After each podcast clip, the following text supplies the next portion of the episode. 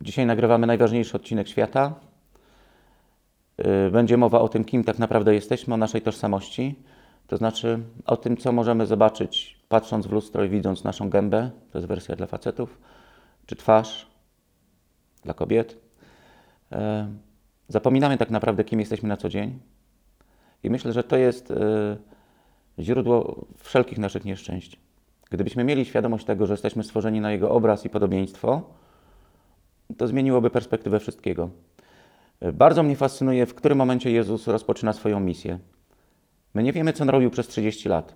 On nie działa na zasadzie neofity, który ledwo skończy kurs alfa, czy doświadczy żywego Boga e, na jakichś rekolekcjach i od razu wybiega na ulicę w myśl zasady e, brunetki, blondynki. Ja wszystkie was, dziewczynki, nawracać chcę. Nie, zobaczcie, Jezus przez 30 lat jest ukryty. Nikt nie wie, co robi. Że wejdziecie do pierwszego le- lepszego sklepu e- ezoterycznego i przeczytacie, że pewnie terminował u mnichów buddyjskich, bo nawet takie wersje czytałem, ale tak naprawdę Biblia nie mówi o tym, co robi Jezus przez 30 lat. Zobaczcie, jakie są proporcje. 30 lat milczenia, ukrycia, e, posłuszeństwa rodzicom, takiego ukrycia w Nazarecie, kiedy e, nie wybiegania przed szereg. 3 lata głoszenia i 3 godziny umierania. U nas jest odwrotnie, nie? że czasami po trzech godzinach od razu byśmy wybiegli, wskrzeszali, uzdrawiali i e, jeszcze trzy zwrotki na bis. A Jezus przez 30 lat jest ukryty, nasiąka Bożą obecnością, ma z Bogiem taką relację, że potem, kiedy wychodzi, to po prostu się z niego wylewa. Rozlewa się e, łaska, dlatego że on wie, kim jest jego ojciec, bo przez 30 lat go poznawał. Kiedy Jezus rozpoczyna swoją misję? W momencie, kiedy zanurza się w falach Jordanu i słyszy trzy komunikaty: Jesteś synem, kocham Cię i podobasz mi się. E, I to jest tożsamość, to jest taki dowód osobisty, który dostaje.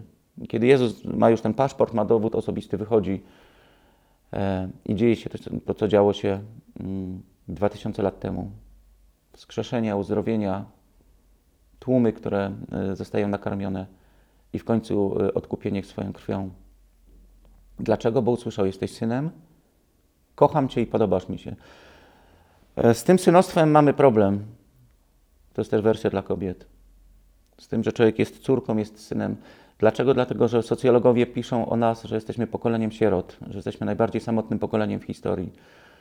To widać, e, jak bardzo rzucamy się na różnych duszpasterzy, przez których widać, że Pan Bóg działa. Nie? Czasami wieszamy się na ich szyjach do tego stopnia, że jesteśmy w stanie ich zadusić, że oni kompletnie nie mają czasu. Jesteśmy pokoleniem sierot.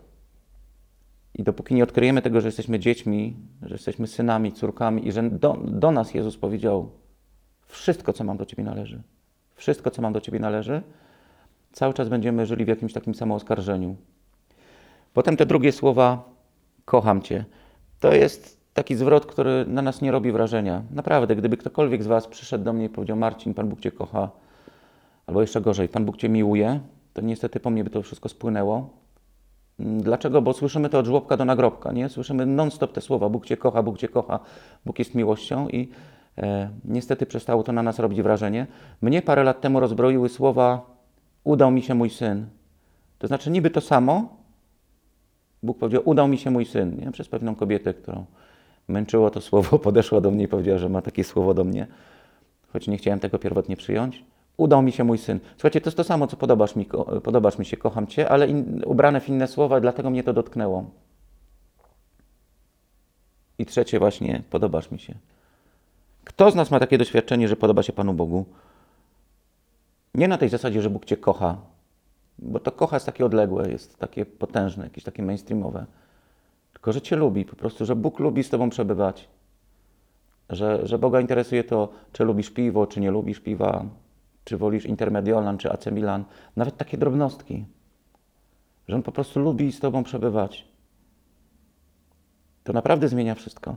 I e, gdybyśmy mieli takie doświadczenie, no słuchajcie, Jezus, te trzy komunikaty sprawiły, że Jezus wyszedł i,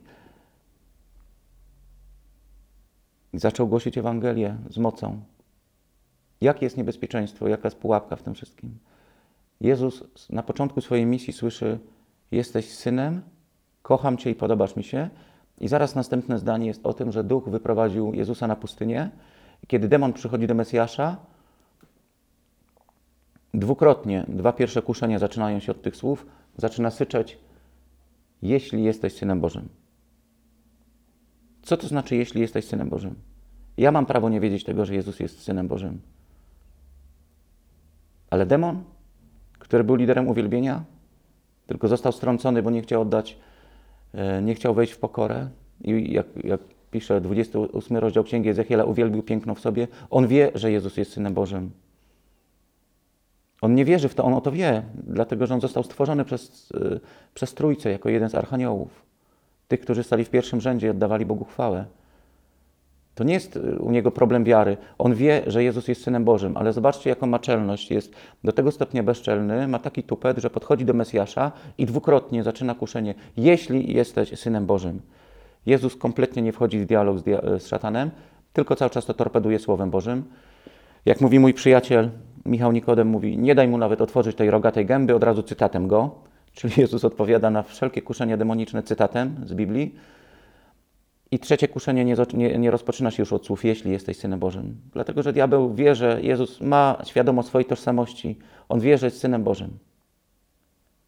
Ale jeśli demon jest w stanie zrobić coś takiego z Mesjaszem, z kimś, kto nie zna, nie wie, czym jest grzech, kto jest przeczysty, to co dopiero z Janem, z Janem Kowalskim czy z Marcinem Jakimowiczem? Jeśli on jest do tego stopnia bezczelny, że podchodzi do Jezusa i mówi: Jeśli jesteś synem Bożym, to co dopiero będzie szeptał yy, właśnie nam, kiedy będziemy patrzyli w lustro? Którą drogę wybierzemy? Jego podszepty, jego syk?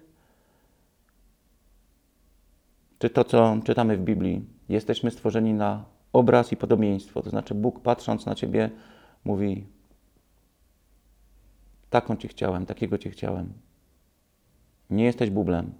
Udałeś mi się. Udał mi się mój syn, udała mi się moja córka. Na koniec chcę Wam powiedzieć o moim odkryciu. Zauważyłem kiedyś, że mój syn Nikodem nigdy nie wstając rano nie powiedział: Tato, proszę Cię dzisiaj o opiekę nade mną. Dlaczego on o to nie prosi? Bo on wie, że ma to w pakiecie. Ja naprawdę nie jestem dobrym ojcem. Dlaczego mój syn nie prosi o to, żebym się nim opiekował? Dlatego, że on wie, że ma to w pakiecie. A ja patrzę na mo moje modlitwy i większość moich modlitw to zauważ mnie, wysłuchaj, proszę, błagam. I to jest różnica między moim synem a mną, że ja mam mentalność najemnika, który musi cały czas prosić, żeby Bóg łaskawie zwrócił na niego uwagę, a Nikodem ma poczucie synostwa. On wie, że jest synem. On wie, jaka jest jego tożsamość i on nie musi mnie prosić. On po prostu bierze spółki, bo wie, że to, co jest moje, należy też do niego.